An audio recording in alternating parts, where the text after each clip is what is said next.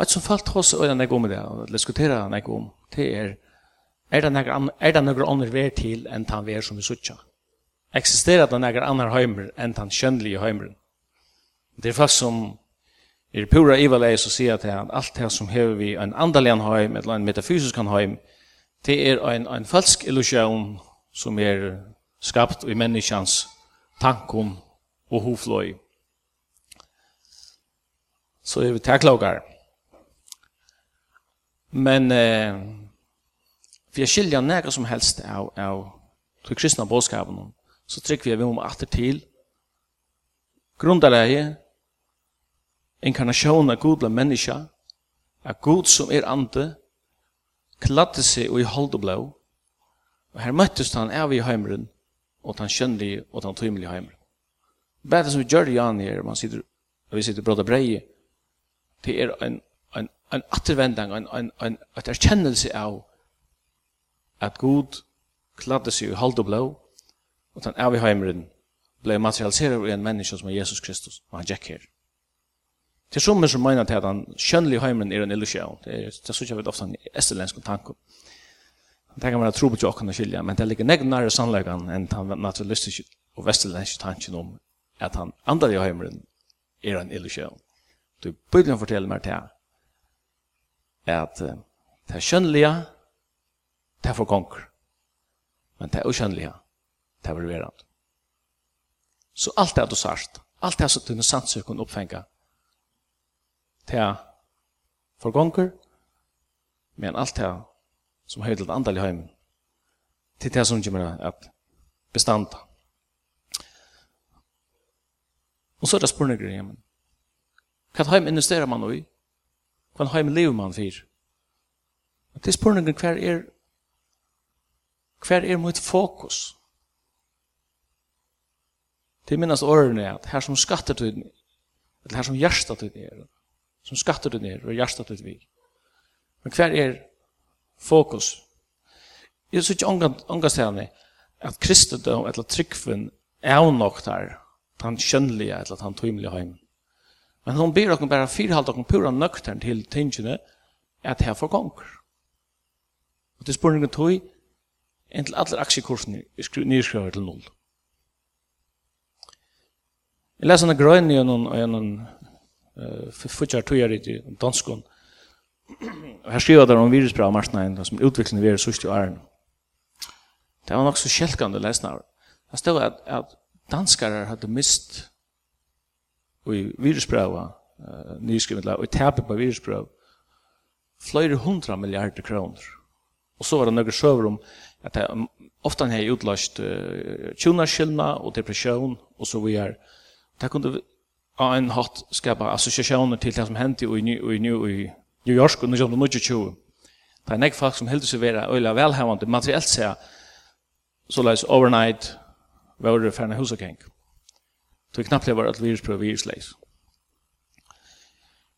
Ta i Apostlen skriver at her at heimeren for gonger og lister hans herre, men han som gjer vilja gods, han verer i allar æver, så det er bare en, en återvändande anmenning om att hava fokus att han røttes down.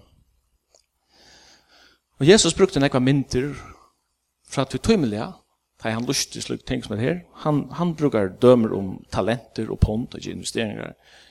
Han omtaler samløse rente.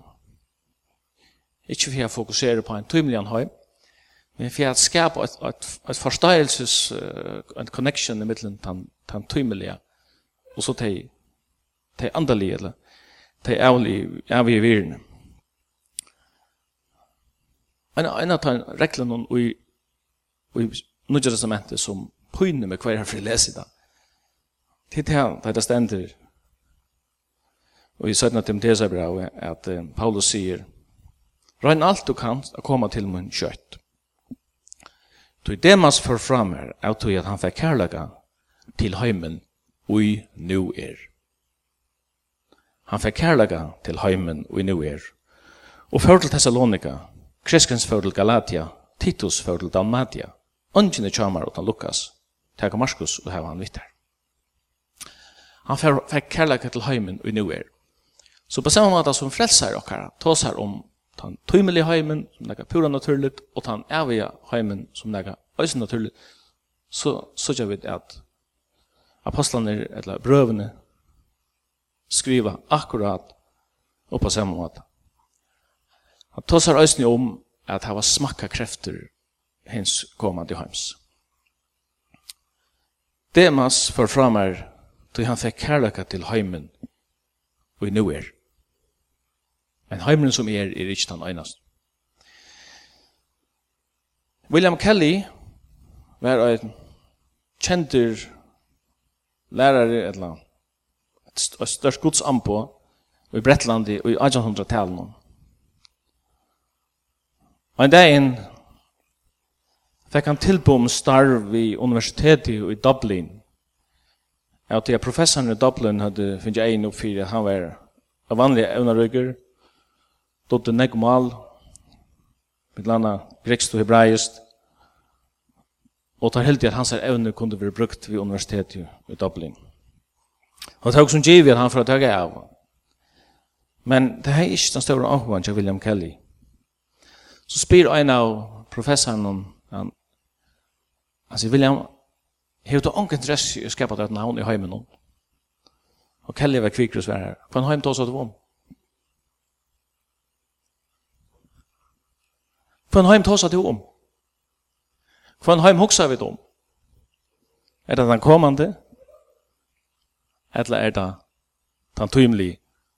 Som en hatt er en illusion av tøy at han forgonger. Men hvordan kan de få en parst ut i kommande heim? Hvordan blir en borgar ut i kommande heim? Det er bare en vever inn til tann borgarskapen. Det er bare en måte for borgarskap ut i kommande heim som er avgir. Til jøkken henne føying. Det er ledes ikke gjerrig jøkken Immigrasjon. Eller skulle vi si adoption? Jo, kanskje. Da du vært født i en gods familie, eller vært pastor av gods familie, og borgere til kommende hjemmen, er du så adopterer av eller er du født Det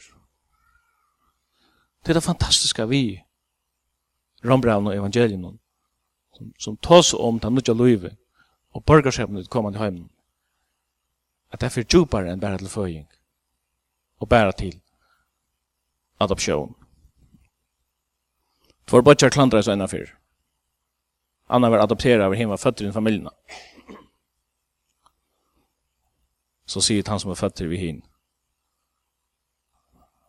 Er fötter i nokkar familje, det er du ikke. Jeg så er en adopterad i. Föräldrar har att de finner till, men er valde med, sier han.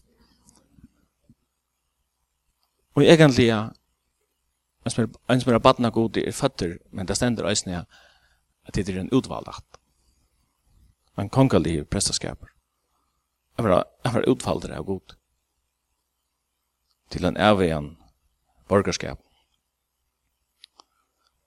Til den store spurningren, som alltid har i øye spyrja, er du født av god og gjør noen livande trygg av Jesus Kristus. Apostlen sier, jeg legger fram for evangeliet, fyrir dikon.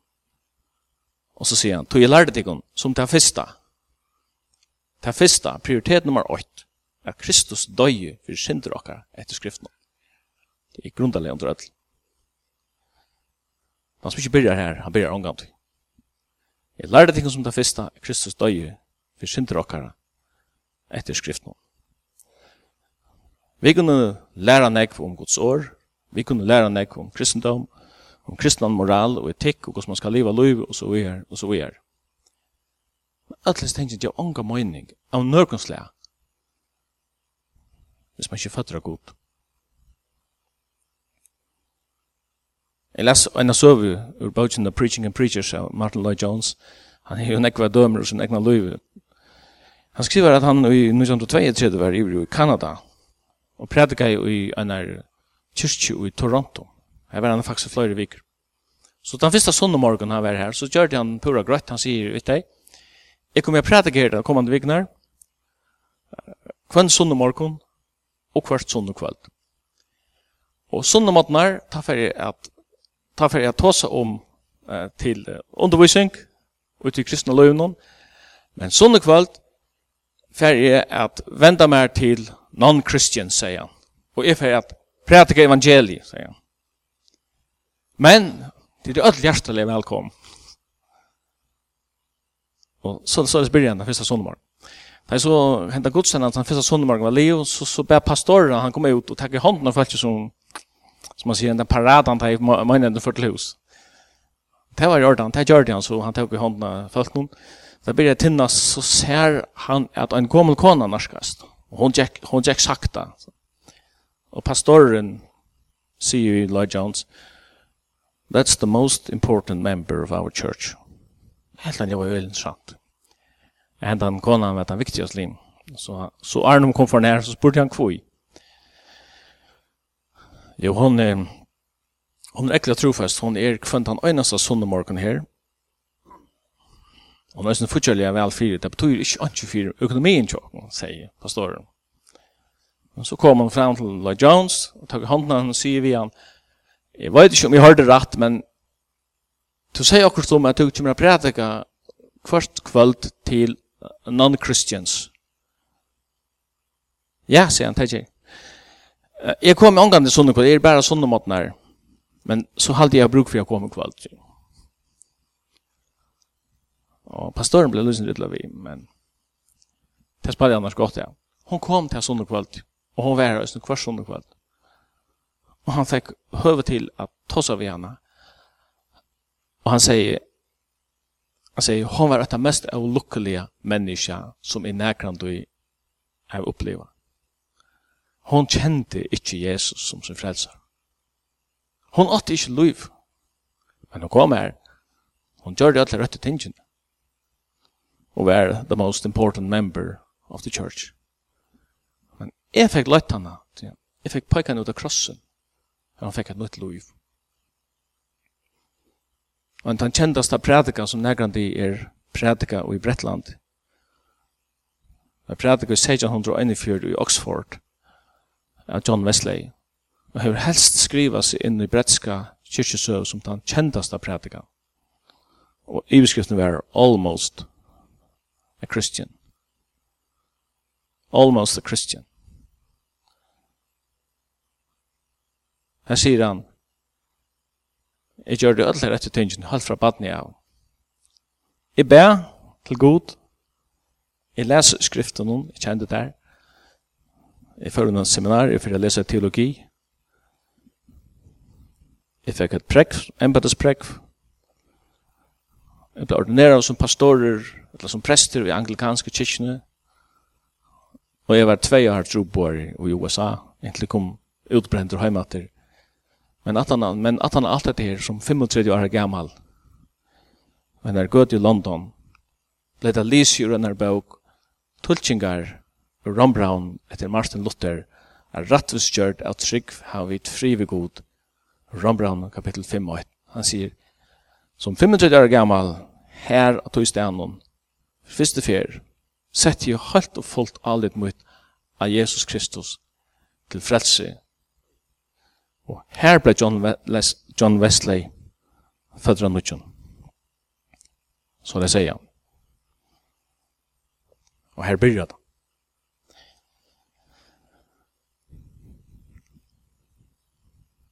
Jeg leser ennå fra en spurning som han skriver i. Han sier, kan et egg flikva? Det var en interessant spurning. Sjålande kan det ikke det. Men edge kan innehalda alt det genetiska potentialet som skal til for øyne for å kunne flykke.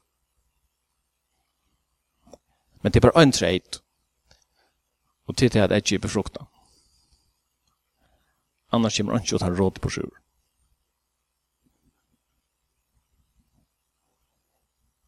Jeg var føtter av gode er en fyrirtreit for alt. Her blir det løyve. Ber det ikke at som hentan alt stender om brandtall, men vi er omskapt vi ender nødjan av sinnestikker. Så det er en, det er en menning, en utvikling som fyrir fram ut i kristna løyvnum, som hever samband vi god gjerra. Føyingen er en fyretred. Og vi kommer aldrin utan om krossen.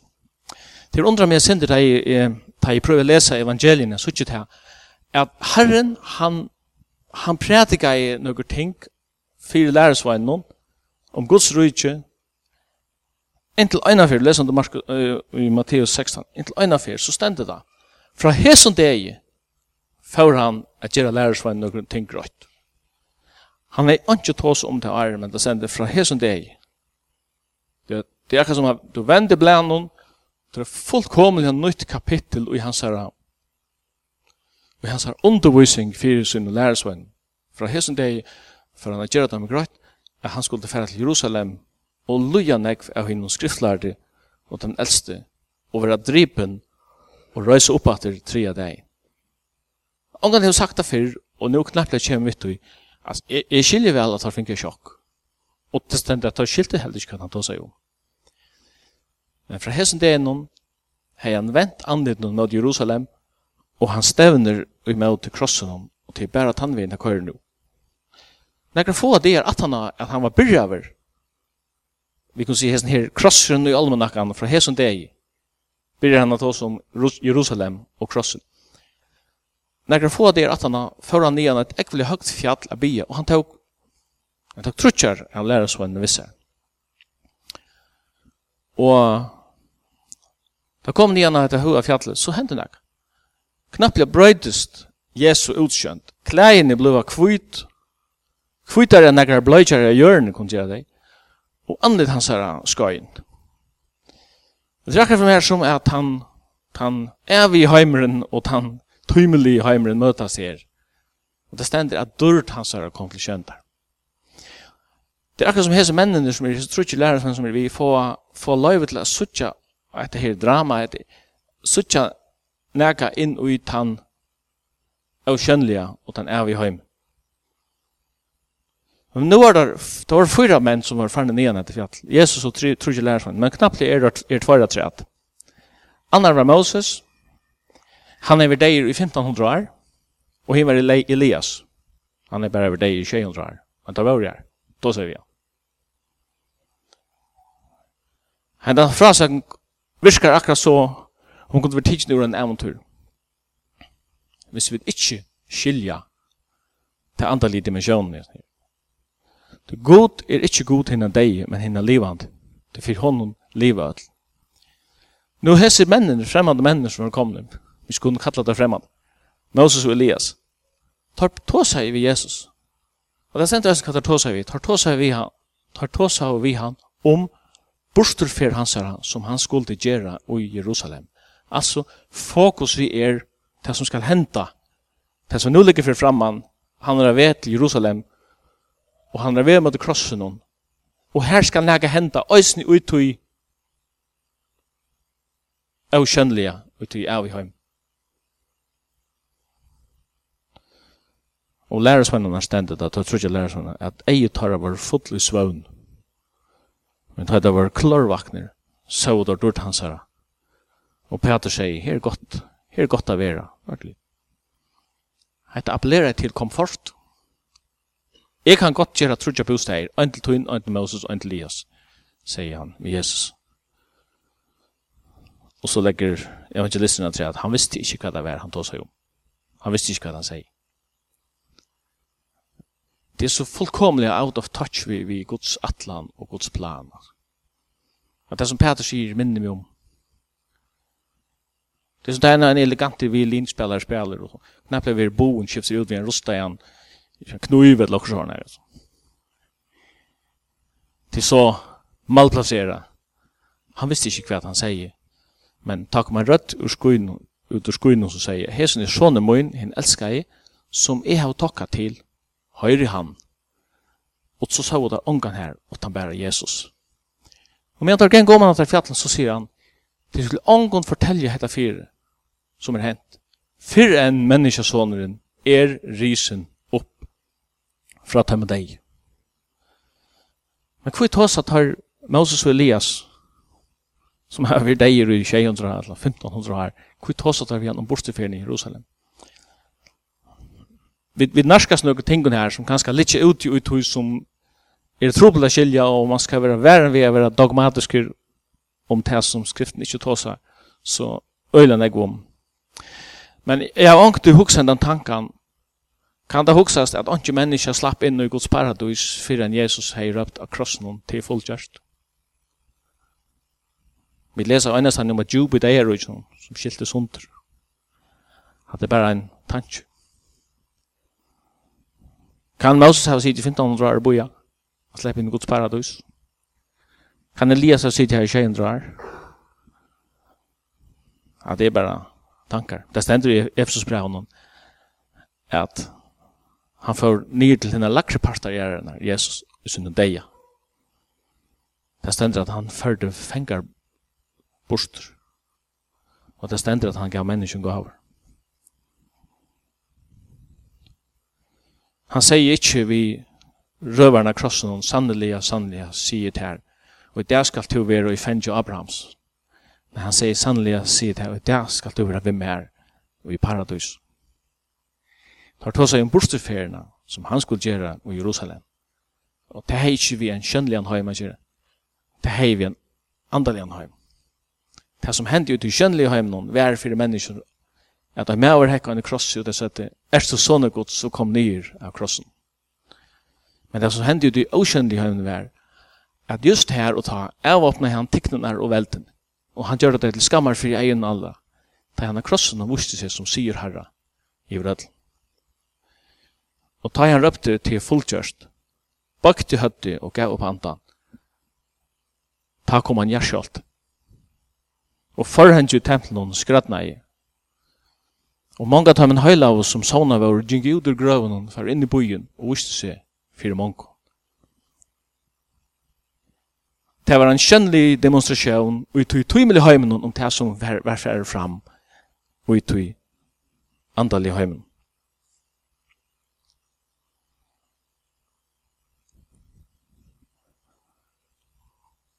Kvann heim, spurte William Kelly. Kvann heim tåsa du om? og kvann heim liva vi fyr. Her vi tog han stegg av og fokusera at han at det er avja og det som er vire. Eller køyrer maskineriet for mer viser som at, at for mer viser det som at stressfaktorene i, i, i, i samfunnet om det blir bare større og større. Prøv sløkk internet og færtelefoner i 24 timer. Det Jeg kjenner, vi kjenner ikke til det med teenager, men de fleste, ikke bare teenager, men det finnes ikke abstinenser der, hvis det er skulle hent. Det tingene køyra så ekstremt kjøtt. Og det viser for meg som at det er teget tog at lære god å kjenne. Det er profeten sier, Herre, jeg legger malmet fram for til å bøye. Jeg bøye. Det er en dikt øysene, tåsa vi herran, og a boia. Men a boia hever angen tøy til det. Du tingene genga, genga så mykje kjøtt.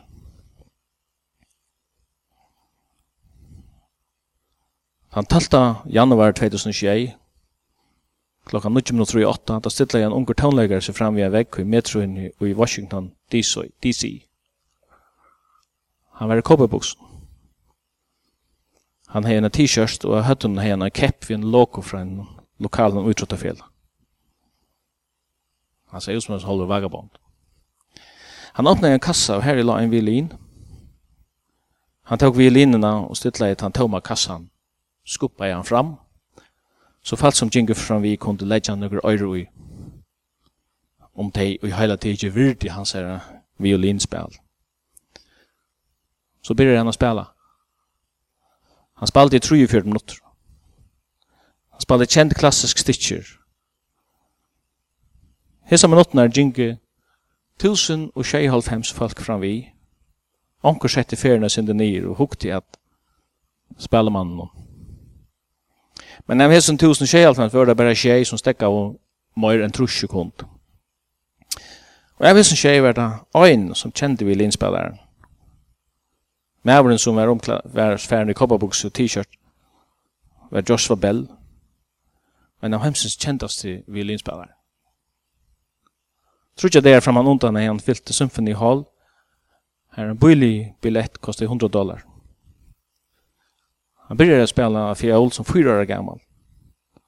Och var sån jag ombyn att han bojlägger han den av varslet när jag slukt. Man räknar vi att betala 1000 dollar om en natt. Og hendet det ene metrostationen var det bare noen fa og i negra mynter og i violinkassan. Det var ikke violin som hei feil. Han spalte av en av sånne enda Stradivarius vilin som hei et marknarvir på 3,5 millioner dollar. Stikkene som han spalte var utvalgt, med landa av Johann Sebastian Bach. Men det er nærmannsjen som leie merke til Joshua Bell Ønsker som vant seg nekka størst vi når medelstasjon. Øremeien vi linspilleren stender en automatisk, automatisk skekva bost. Hinne med stender en kiosk. Her folk kunne kjepa blø, sigaretter og omkra lottesegl. Og så er det en arbeidsdaver, folk har skund. Hvor legger merke til townløk i hans hemsklassa av slukunstega? Favor. Hatt er en veikmynd at det som hendte. Da i året var holdt, god klatte sig holdt blå, og tok bygge mynd lokkara, og kom inn i hendan heim. Fotler av nahi og sannleika. Og vaks opp i Nazaret. Og en bøyer som er vidt han ikke en gang er nevntur i talmodene. Det han var så obetydelig. Men han bøyene Sepphoris og, og Tiberias, er det kjente og tignarlige bøyene i Galilea, ut i landsloden her Jesus vaks opp. Men tar bojen i ångant vi nevntur i nøkron av evangeliet. Prøvoksa der til at anker, anker gjør en analysing av fergen, men nevner ikke havnene, eller Esterødene. Han gjør ganske nekk på sjur hattarvøk og famien, sånn Det blir fullstendig ute av proportion. Det er akkurat det som hender i evangeliet. Du leser om Nazaret, Korazin, Bethsaida, Kapernaum. Fullkomlig og betydelige byer. Det hadde gods mat at gjøre attention på. Men det som er det som høyre Guds rødt og de som søker Herren. Etla som Jesus sier, hvert han som er av sannløkene, han høyre rødt møyne. Trångt okkara som er stokk og leit, virkar okkon og større og større ivflå, er vi av fiddling og dord, stendig skriva, du vet hva ikke det skjønner jeg for eia, men hit, men hit okändliga.